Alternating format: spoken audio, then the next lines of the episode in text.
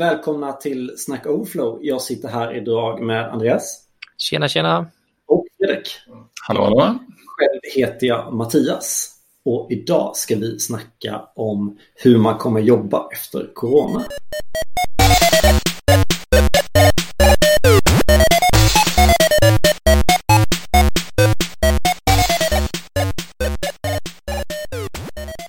Mm. Eh, Andreas, kan inte du berätta lite om dig själv? Om mig själv? Mm. För jag inser det, vi, vi är inne på, vad det, kan det vara, avsnitt nio nu? Åtta kanske? Och vi vet ingenting om dig. Nej, det är skönt det. Att vara helt anonym är ju rätt skönt ibland. Mm. Eh, nej, men visst, jag kan berätta om mig själv. Um, Andreas, 27 år. Egentligen eh, från grunden en sportfantast kan man väl säga. Um, hållit på med allt från amerikansk fotboll till basket, simning, mycket sport. Hittade egentligen teknikintresset först i gymnasiet. Då man fick lite valbara kurser. Eh, började programmera webb. Fastnade i webb. Eh, sitter fortfarande i webb. Nej, skämt åsido. Jag har suttit mycket med fintech-lösningar i, i början av karriären och sen eh, som fullstack-rollare och gått egentligen mer och mer åt, åt webben på senare år. Eh, men har hela tiden hängt mig kvar på, på båda sidorna, så jag är väl lite, lite neutral i det där Mm. uh, kriget egentligen. Jag är omgiven av fullstackare helt enkelt. Ja, exakt. Så det kan man väl säga. Uh, Coolt. mm. Vad brinner du för? På jobbet eller privat? Ska jag ta båda? Ja, kör bara. Eh, ja, det kommer väl låta klyschigt, men på jobbet drivs jag av förändring faktiskt. Eh, jag har jättesvårt för att sitta i projekt där det inte, där det inte händer något eller man inte kan påverka något. Det har jag jättesvårt för. När det bara är timmar egentligen. Eh, på, på fritiden, eh, jag älskar matlagning. Ja. Så det, det är en stor grej i mitt liv. Älskar att stå och laga mat. Mitt rekord är fortfarande stått 18 timmar privat själv i ett kök Jävlar. bara lagat mat. Vissa säger att jag är galen, men jag, det, är, det är en passion. Liksom. Jag skulle fråga skryträtt, men jag hann inte. Du ju förekommer. Vad sa du? Jag skulle fråga vad har du för skryträtt? Oj, Vad lagade du för någonting? Oj, vad är jag för skryträtt? Eh... Ja, det kan man väl också dra en liksom... Jag är ju köttallergiker, så jag kan inte laga något kött. Men eh, då på senare år har anka blivit en favorit. Mm. Så uh, ja, men en sovidad anka med en klassisk uh, rödvinssås är sällan fel. Ja. När det här, det här som händer runt omkring oss nu som hindrar oss från att gå ut och träffa folk. När det börjar bli över så eh, får du nog dra ihop lite folk och bjuda på käk. ja, det gör jag så gärna. Så du är alltså laget när det till slut är över? Inte laget, gud vad skönt att jag får vara hemma hela tiden. Ja, Jag tycker det, det vänder från dag till dag kan jag tycka.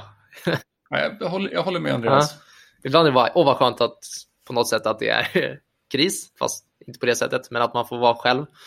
Eh, men en dag efter så vill man bara liksom träffa folk och bara sitta och snacka och ha liksom sin egen vardag som man hade Mm. förut. Jag tror, jag tror att om vi, kan, om vi kan nå till läget att defaultet att man ska sitta på kontoret varje dag kan försvinna. Utan att det, det, man får en mer en norm av att men vi är på kontoret två, tre dagar i veckan. Då, då tror jag det kan komma en väldigt bra förändring ur det här. Mm, jag håller med. Jag tycker det känns som det från liksom hela coronakrisen, alla känns så jättemycket mer avslappnade i sitt arbete. Det är liksom inte den här stressen på något sätt som man hade alltid med deadlines och som man har samma deadlines. Men folk hanterar det på mycket bättre sätt. Men var inte någon av Netflix-grundarna ute i veckan och skrev att han ser bara negativa saker med Corona? Eller med hemarbete sa han väl? Oj, det vet det har jag missat. Jag läste inte artikeln så bara pushen. Alltså det, man måste ju tänka på att det handlar inte bara om företagets produktivitet heller. Utan många har ju en lång restid till och från jobbet och mycket andra saker som man, som man också får ut av, av hemarbetet. Mm. Jag hade ju, tidigare hade jag ju en, lite drygt en och en halv timmes restid i varje riktning till, till och från jobbet. Det var ju stor skillnad när man jobbade hemma. Det var, ju, det var ganska mycket extra tid man fick Mm. för att göra andra saker. Ja, det är mycket av vardagen som bara försvinner i, i transport. Verkligen. Ja, så det, ehm, så det är klart att det är stor skillnad. Men alltså det, är, det är mycket möten och sånt där som inte blir samma sak. Och, och, och det är svårt att få till det här fika-snacket när man bara... Man börjar inse hur viktigt det är också. När man har liksom så här hur, hur det bygger, hur små pauser bygger relationer som gör att man, Mm. ja, man får ut mycket. Både med de som man är nära men också de som man kanske har liksom börjat få någon typ av beef med av något skäl. Så behöver man ses, snacka, liksom inse vad, vad är det egentligen vi står. Svårt att kommunicera med någon som börjar komma på kant med. Och det är inte bara mig själv utan det har jag hört andra liksom. Ja, jag har sagt det här liksom att bara kunna gå, gå över till en kollega och bara sätta sig och, och snacka. Eh, oftast kan det alltid börja som ja, men något privat, något kul. Men som oftast leder in till ja, men en diskussion enligt, om det man jobbar med och förmodligen löser ett problem. Mm. Eh, eller som Fredrik sa, det, är liksom det kaffesnacket. Det är Ja, gå till kaffemaskinen och hämta kaffe och då oftast löser man någonting när man går och snackar. ja men alltså... Det är också att man får den här chansen av att, att man får veta vem man ska prata med. Eller, eller saker som... Nej, men jag vet inte, men häng på. Vi går och snackar med någon Ja. här borta.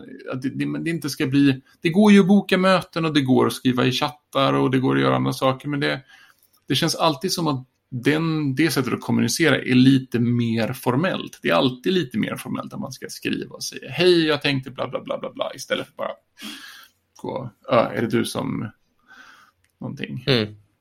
Jag håller med. Men hur har ni gjort då, liksom, under nu corona? Att få in det där på era uppdrag med era kollegor? Vad, har ni struntat i det eller har ni gjort något speciellt? Ja, vi har infört nu eh, och kör lite sådana här, en, minst en gång i veckan så kör vi liksom fikasamtal. Eh, bara sitter en halvtimme, en timme och, och snackar liksom, om lite allt möjligt. Och det är ju ett allmänt utmärkt tillfälle att, att prata om ja, men teknik i allmänhet eller andra saker som skulle kunna vara relevanta. Men att inte bara prata om det utan få den här chansen att vara sociala. Så det det är väl ett försök. Funkar det liksom som ett komplement eller liksom, är det bara påtvingat på något sätt? Jag tycker det funkar som ett komplement, men, men det, det är bara ett komplement. Det är inte en ersättning, utan tills dess att det går att göra något bättre så, så är det tillräckligt. Det får vara det. Ja, jag fattar. Ja. Jag var ju tyvärr på ett ganska färskt uppdrag. Eh, Så där hade vi liksom inte riktigt styrning nog för... Det var, det var många små team som hade, det var många små sandboxes redan för att det skulle skala upp. Och de sandboxarna, det blev liksom bunkrar istället för sandboxes. Mm. Ja, Okej. Fick man inte riktigt till det. ja, jag förstår vad du menar. Nej, det var ju tidigare i våras, förra uppdraget jag satt på, det var ju bara en, en kavalkad av ändliga, oändliga möten. Man bara, det var bara en, ett sån här WebEx-möte till ett annat hela tiden. Japp. Eh, Det var ganska frustrerande. Det var, man fick egentligen aldrig någonsin sätta sig ner och få något gjort, utan det var bara nästa, nästa. Ja. Och det kan ju nästan vara en fördel med remote. Jag vet inte hur många möten jag har suttit på och, och lyssnat på mötet 20% och lyckats koda på 60% och man tappar 20% produktivitet. Men, och nu hittar jag ju bara på siffror för jag älskar att kvantifiera saker. Men den känslan. Mm. Ja, jag håller med.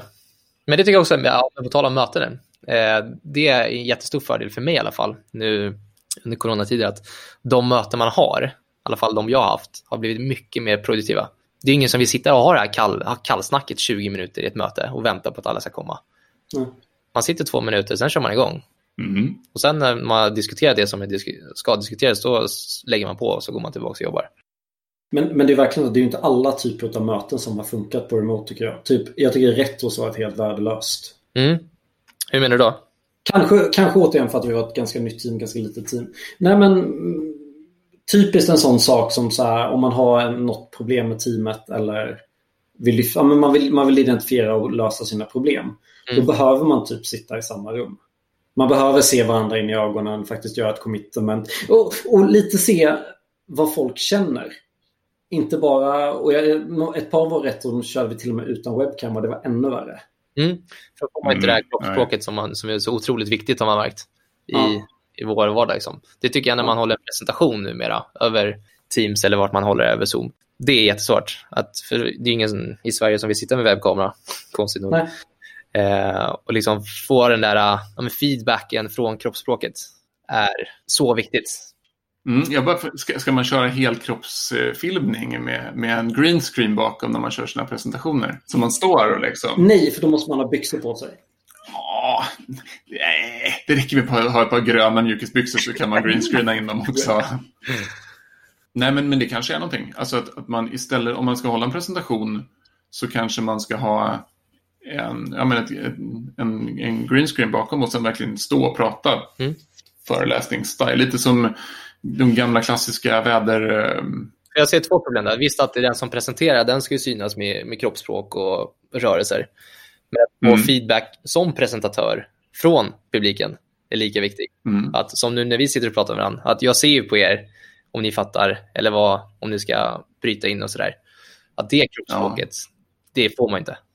Nej, men, men där kanske man kan, alltså, jag tror att om vi, om vi bortser från corona nu, ja, yeah. alltså att få, alla ska vara hemma, utan vi, vi, tänker oss att vi tänker oss in i en framtid där, där det är okej att vara på kontoret, men fler är hemma. Yes. Eh, då borde man ju göra, föreläsningen borde hållas i en, i en förberedd föreläsningssal. Så, man kan en, så att jag kan stå och, och, visa på, på en skärm så att jag är filmad och hela min, min presentation är med. Så att det, det, det är färgpreparerat. Snyggt och klart. Du kan ha ett rum som bara är till för en presentatör. Och sen på andra väggen så får du ha en jättestor tv-skärm eller någonting där du verkligen kan få in alla ansikten på alla som är inkopplade så att man kan titta på och se en publik i alla fall Eh, på det sättet. Eh, eh för jag tror att, det märkte jag också, det förra kunden då, innan corona slog till, de hade ju lagt hysteriskt mycket tid på att göra sådana här Cisco WebEx eh, rum. Och man märkte skillnaden med att du sitter med liksom Cisco WebEx i datorn. Det är som liksom vilken, vilket uppring som helst. Det var liksom, eh, på sin höjd okej. Okay när man körde det i rummen när det funkade, det var liksom trolldom när det fått till bra. Man kopplar in HDMI-sladden i datorn och då fick man det både, det som jag delar från skärmen via HDMI-sladden kom ut i presentationerna till de andra på webben. Det bara, allt bara funkade. Alla. Och jag tror att man måste bygga den infrastrukturen Eh, oavsett om det är för presentationer eller om det är för andra saker om vi har specifika syften så måste vi faktiskt lägga ner tid och energi på att bygga dem för att göra precis det som vi har tänkt oss. Och så vi övar det, vi provar sakerna, vi gör. Om vi ska bli liksom ledande på att hålla inspirerande presentationer på nätet, då kommer vi behöva bygga viss infrastruktur för att göra det snyggt och bra. Men vad tror ni där då, på tal om, liksom, nu har vi snackat lite, lite framtid och lite eh, infrastruktur. Jag har länge tänkt på det här med liksom, tekniken AR, varför har inte den slagit igenom på det sättet. Gud vad roligt att du frågar. För jag, jag, satt i, jag satt i förrgår och kollade på en app för att vi skulle kunna köra vår höstkonferens i AR. Exakt. Varför finns det inte, varför har inte det kommit längre än det har? Så här, man kan, som du säger Fredrik, man kan vara ett riktigt konferensrum och ha sina åhörare där. Mm. Riktigt, om vi mm. uttrycker så. Varför finns inte det? Jag vet inte. Finns det, Um, För att folk fortfarande tror att man behöver ses i verkligheten. Det är först nu man inser att remote har fördelar. Man, man har trott att man behöver skaka hand. Minst men vad finns det för teknik idag? du, har, du har ju sådana AR-funktioner i, de moderna HTC Vive och ja. Oculus. Mm. Alltså ska, ska jag sträcka min hand en armlängd åt det hållet och sen dra in den så har jag den här för att jag hade tänkt att testa det medan jag väntade på Fredrik. Och det är nu ni ser att jag har lång delay på min webbkamera. Ja. ja. Den är ju där bara just för att testa det. Det är en sån här cardboard, mm. Google cardboard, eh, du viker ja. ihop det. Ja. Mm. För att Mozilla hade någon Mozilla Hubs, tror jag det hette. Kan länka i show notes. Som ska vara exakt det där. Jag ville testa hur det funkade. Men det man vill ha som fortfarande saknas är att jag vill ju både kunna ha den här skärmen som täcker mina ögon när jag får se VR. Men jag vill ju också få mina ögon och mina ansiktsuttryck filmade och få dem projicerade på den avatar då jag, jag presenterar i den här virtuella miljön. Ja, alltså, det, det måste ju komma till ett läge av att jag kan sitta i ett virtuellt rum och prata med andra tillräckligt bra och se deras ansiktsuttryck och kunna titta folk i ögonen på ett, ett mer trovärdigt sätt än i ett sånt här samtal. Mm. Däremot, om man vill ha en, en liten eh, enklare eh, DIY-lösning för att få till bättre ett-till-ett-samtal. Så, så det man kan göra är att bygga en liten fyrkantig pappskärm som du sätter som en tub utifrån din laptopskärm. Rakt ut. Yeah. En fyrkant runt den. Och sen så köper du en, en halvgenomskinlig eh, plexiglasskiva, alltså en sån här envägsspegel som du sätter på snedden i den, 45 grader i. Och sen precis så som Mattias gör just nu med att köra sin mobiltelefon som webbkameran, så lägger du den i botten under. Och så centrerar du den på skärmen. Jag kan, jag kan länka senare en, en DIY-video, det var en YouTuber som gjorde precis det här. För det du vill få till då är att kameran sitter mitt på skärmen. Den är då speglad neråt. Så jag kan alltså titta personen jag pratar med i ögonen istället för strax över eller strax under deras ögon som man alltid annars gör. För det är en, det är en enorm, enorm skillnad. Däremot så tror jag att eh, nya generationer mobiltelefoner, när de börjar komma med sån här kameran inne i skärmen, som verkar vara nästa grej, den tror jag kan bli ball. För det, det tror jag, jag, tror att de kan lösa det, precis det problemet. Det, du, om du skulle kunna köpa en, en pytteliten webbkamera och hänga den på skärmen och sen bara leva med att den täcker en bit av din skärm, då kan du uppnå lite av det här fenomenet. Men, men man har ju fortfarande, all, i alla möten vi har så sitter vi och tittar bredvid varandra. Och tittar jag på kameran så ser inte jag er. Så... Mm, jag håller med. Men Fredrik, varför har du svart plutt mitt i skärmen? Det är för att jag ska kunna se dig bättre. Exakt. Ja. Jag tycker det är superspännande. Uh, men ni, ni fuskar ju lite. För ni har än så länge bara pratat om hyfsat sändande med lite feedbackmöten. Vad är du inne på? Vad, vad, vad, menar du som alternativ? Vad är... Nej men alltså ni pratar om klassiska föreläsningsmöten. Man kan antingen gå åt höger eller vänster. Antingen ha liksom riktiga workshopmöten. Låt oss för enkelhetens skull säga en sprintplanering som där, där man är ett team som samarbetar. Att det inte bara är en som säger vad man ska göra utan att man faktiskt går igenom någonting. Och, och åt andra hållet, eller så båda är väl att alla ska interagera så det kan inte åt andra hållet. Men jag tänker en retrospektiv där man faktiskt ska diskutera, där alla ska snacka samtidigt. För jag menar, det här samtalet funkar ganska bra vid tre pers, men när, när det skalar upp till ett team på sju pers. Mm. Där tycker inte jag riktigt att tekniken är där. Man kan inte naturligt dela upp sig i små grupper och sådär. Där har tekniken möjlighet att göra saker som att Exakt om du sitter i ett virtuellt rum där du kan gå runt i det så borde du ju kunna tona ner upp volymen beroende på hur långt ifrån varandra i det här virtuella rummet. Så, så kollar, jag, kollar jag på någon kommer den bara, så jag kan viska saker till någon bara genom att vända mig mot den? Ja, ja. precis. Ja. Alltså målbilden med AR borde ju vara som i Jedi Council, alltså när de sitter där. Mm. Ja, det, det, är ju, det är ju precis det. För, för, ja. för innan vi når till ett sånt, okej, okay, sen kom, det kommer nog bli VR-glasögon och sitta och, och, göra saker som, är, känns lite tv-speliga ett tag ja, ja. innan vi når till, till den, den coola sci-fi-framtiden. Men jag tror att redan där så kan vi nog jag, som sagt, jag är inte insatt riktigt i, i hur bra, om det finns några sådana AR-glasögon som kan filma dina ögon. Mm. För det, det, skulle vara en game changer. Men det skulle inte förvåna mig om den här tekniken redan finns idag. Jag är bara inte tillräckligt påläst. Men egentligen så är du ju inte intresserad av vilka känslor en, en människa faktiskt visar ansiktet. Utan det räcker med att veta vilka känslor den vill förmedla. Så det räcker med att man har en sån här länk rakt in till hjärnan som Elon Musk nu presenterar. Då behöver man ju inte filma det faktiskt. Okej, okay, jag tror, att kameran är enklare än, än vad heter den? Vad, heter den? Neuralink, eller vad heter hans projekt? Alltså, ett par Oculus behöver inte gå igenom sån här FDA-approval. Det, det, det, är en viss fördel. Jag slipper operera in dem i skallen. Ska man köra så ska man köra tycker Nu tycker jag du är teknikfientlig här. Ja, jo. jo. Jag skäms ju lite i det här läget. Jag borde ju bara stå redo på barrikaderna och bara plocka ut mina ögon och stoppa in nya ja. stället. Men jag, inte, jag är lite skeptisk fortfarande. Ja, jag, jag tror på det. Jag, jag tycker det låter troligt. Eller så bara går det här över och alla åker tillbaka till sina kontor och sen så... Jag tror fan inte det. Jag tror, jag tror man säkert kommer jobba kanske till och med majoritet av tiden på ett, i ett kontor.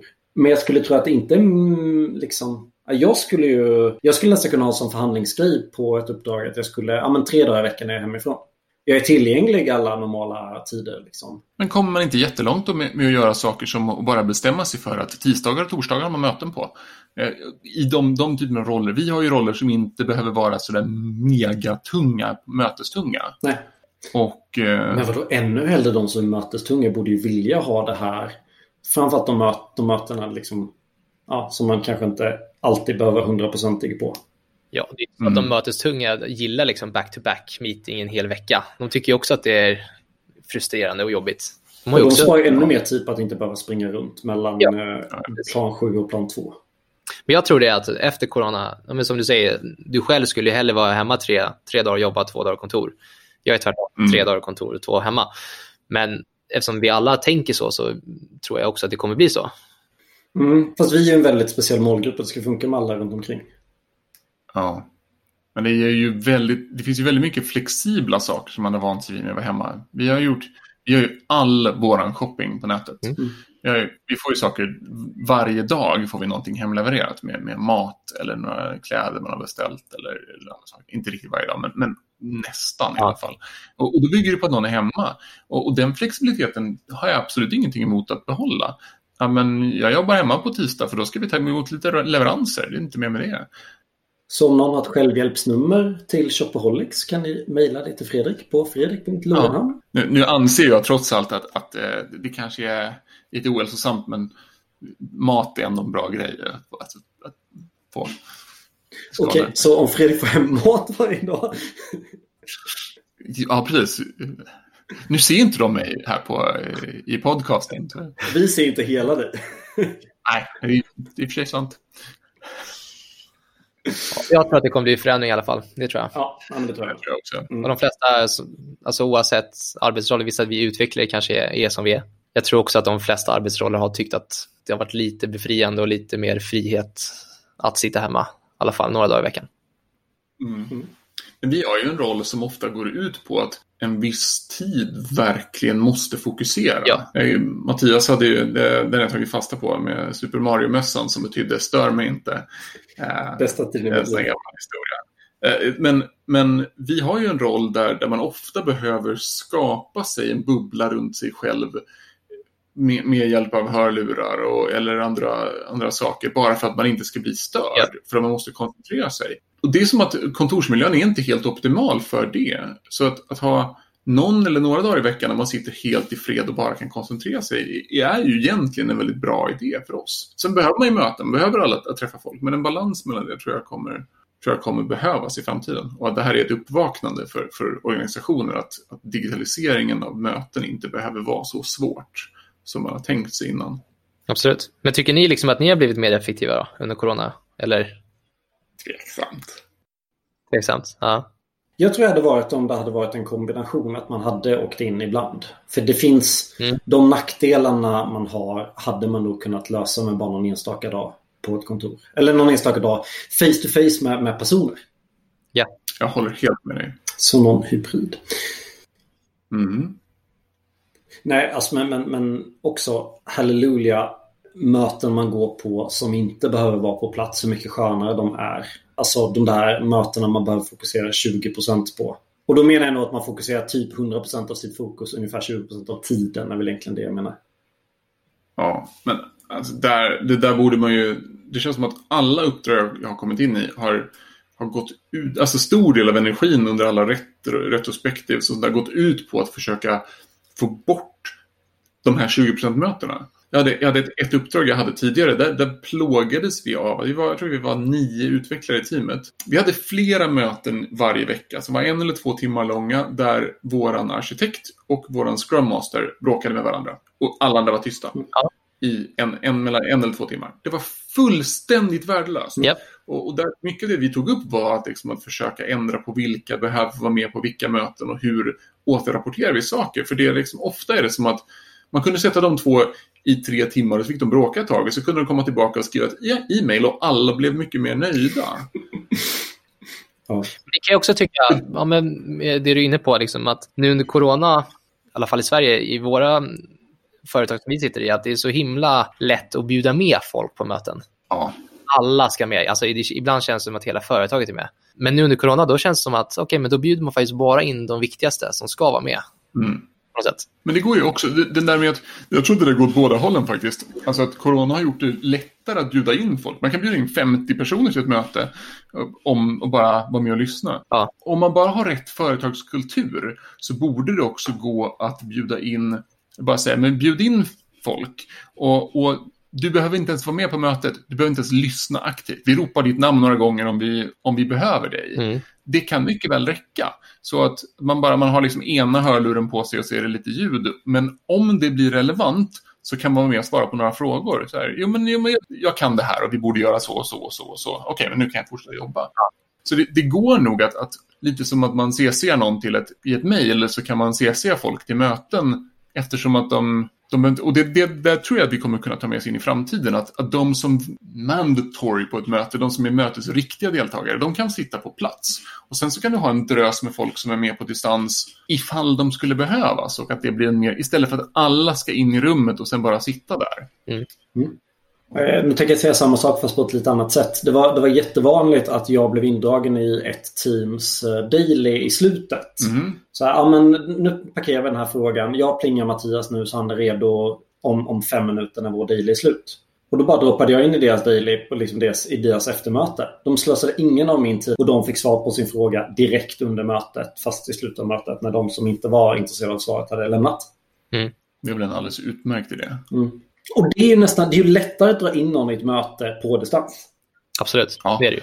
Och, och, men jag tycker att det där kommer oftast med en sorts mognadsgrad av, av möten. Man börjar ofta på en ganska naiv mötesmognadsnivå och sen så, så lär man sig det där lite allt efter, eftersom man jobbar tillsammans i månader eller år så lär man sig att vad är det som är bra och inte. För är det någonting folk blir sura över när mötena aldrig, nu bara är möten hela tiden? Yeah. Vet ni en sak som faktiskt förvånar mig då i det här? Det är att man fortsätter ha så dåliga arbetsverktyg, stödverktyg runt sin agila process. Att alla fortfarande kör Jira oavsett vilket problem man har. Jag, kan tycka, jag ska inte basha Jira för jag tycker Jira är helt okej okay, men det är väldigt streamlined på ett sätt. Det är, inte, det är inte så customizebart som man hade velat. Eller för mycket customizebart som man drunknar. Kanske det. Mm jag tror när man börjar jobba mer på remote att man skulle behöva mer stöd som Jira absolut inte har. Och vad är det ute efter då? Som vad då för någonting? Jag vet inte, men, men allmänt liksom så här, jag tycker Jira är svårt. Man drunknar ju ofta sina boards. Ja, men, så här, en klassisk daily handlar ju nästan alltid om att man sitter och kollar på en board. Man kollar inte på sina problem, man sitter och kollar på kort. Mm. En daily till för att identifiera problem, men ändå så gör det alla lös, man löser det om man sitter och kollar på sina kort i Jira. Mm. Där tycker jag att det inte finns... Och, och jag, jag, tänker speciellt då på att jag ofta får YouTube-reklam från, från appar som vill konkurrera med det här och tänker bara det där verkar riktigt jävla smutt. Men det känns inte som att någon har gjort något sånt överhuvudtaget. Men borde man inte, skulle man inte vilja ha något, något sätt att... För alltså, många av de här sakerna är ju, känns ju som att de är gjorda för väldigt stora organisationer som gör väldigt strukturerade sök, saker över längre tid. Men att man är mer, istället för att hålla på att bryta ner och skriva krav som ska föras framåt, borde mer, mer fokusera på vad är det businessägarna vill ha? Och sen ha ett, ett friare sätt att tänka, men vad är det vi, vad är, vilka är problemen som vi håller på att lösa just nu? Och hur, och mer prata kring vad gör vi för att, att försöka lösa dem? För alla de här sakerna, både oavsett om de jobbar skrum eller kanban eller, eller andra metoder, så är ju de de är ändå styrda och det är, det är inriktat på att skriva features. Det, det är textdokument som ska skrivas. Istället för att det, det, finns liksom ingen, det finns inget riktigt organiserat sätt att flumjobba. Om man ska, man ska beskriva det på rätt sätt, som att man sitter ner tillsammans och pratar om vad är problemen, hur skulle vi vilja lösa dem? Och sen så går man och jobbar ett tag och sen så går man och pratar lite mer. Utan allting är väldigt text, skriva ner fokuserat. Och, och det är säkert bra, men det hade varit bra om det fanns några andra alternativ som var fundamentalt annorlunda också som fanns att jämföra med. För nu, de, är, de olika sätten att jobba är väldigt lika. Mm. Ja, alltså jag tycker också att men om du jobbar i JIR eller om du jobbar i vilken, vilket boardföretag som helst så tycker jag att det, det är inte fokus på produktiviteten eller effektiviteten utan det är fokus på mätbarheten. Mm. Mm. Det är liksom, du ska kunna mätas av produktägare eller vilka som mäter med bara points. Och en points betyder ju alltid olika på alla företag och betyder i verkligheten ingenting. Mm. Mm. Men det är inte för produktiviteten vi har vårdsen utan det är bara, bara för att kunna mäta, känner jag. Mm. Mm, köper det. Ja, ja. Det där är ju en evighetsdiskussion med... Ja, det hade ju förmodligen låtit annorlunda kanske om man hade haft en agil coach också med sig. Det kanske vi ska ha.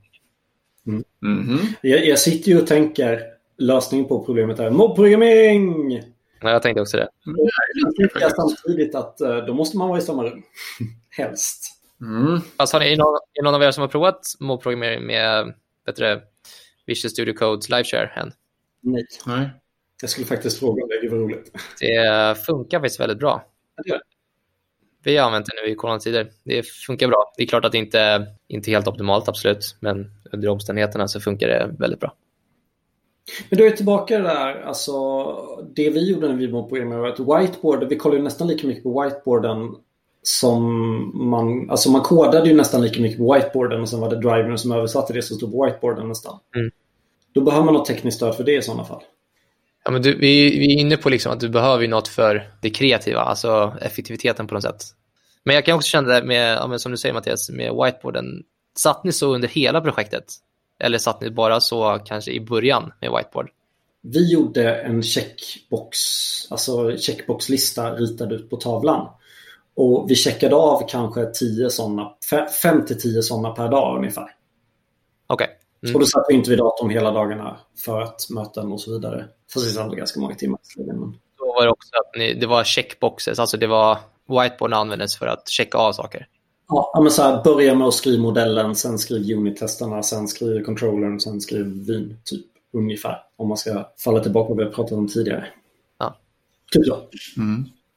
Jag hade ett lite sådär liknande för kanske två år. Det var precis när jag flyttade ner till, till Skåne så då, jag hamnade tillsammans och jobbade tillsammans med en, en, en kollega. Vi jobbade liksom väldigt tajt, det blev så parprogrammering. Men då, då, det vi gjorde var att vi, liksom, vi började med att ha no, möten då och då bara på en whiteboard som satt bakom våra bord. Bara så här, skrev ner, här är alla saker som vi vet att vi måste göra. Och sen hade vi liksom som ett stand-up, bara vi två, kanske en gång varannan timme eller någonting sånt. Och, och ofta, ofta oftare än så. Det var lite så här, titta på tavlan, stryk någonting. Titta på tavlan, stryk någonting. Mm. Skriv till nya saker på tavlan. Så, så att man, man hade en, en mycket, mycket mindre tavla i, i det parprogrammeringsteamet som uppdaterades verkligen kontinuerligt. Man hade snabbare feedback-loop liksom. Ja. Cool. Uh, Ja. Och eh, nu är det dags för eh, veckans tips. Fredrik, har du något tips? Eller vill Andreas börja? Andreas kan få börja. Jag vet inte om jag har något tips. Den här veckan har varit lite, det har varit väldigt mycket, så jag har inte hunnit liksom vara så, så på, på tårna som jag brukar vilja vara eh, och läsa på. Så jag har faktiskt inget tips den här veckan. Men jag kan faktiskt ta ett tips som, som eh, känns eh, aktuellt just nu i coronatider. Eh, som både Mattias och jag använder oss av. Det är eh, veckans apptips som heter IVCam. Som är ett sätt att använda sin mobiltelefon som webbkamera till, eh, till, eh, till mm, alltså, vanliga videosamtal.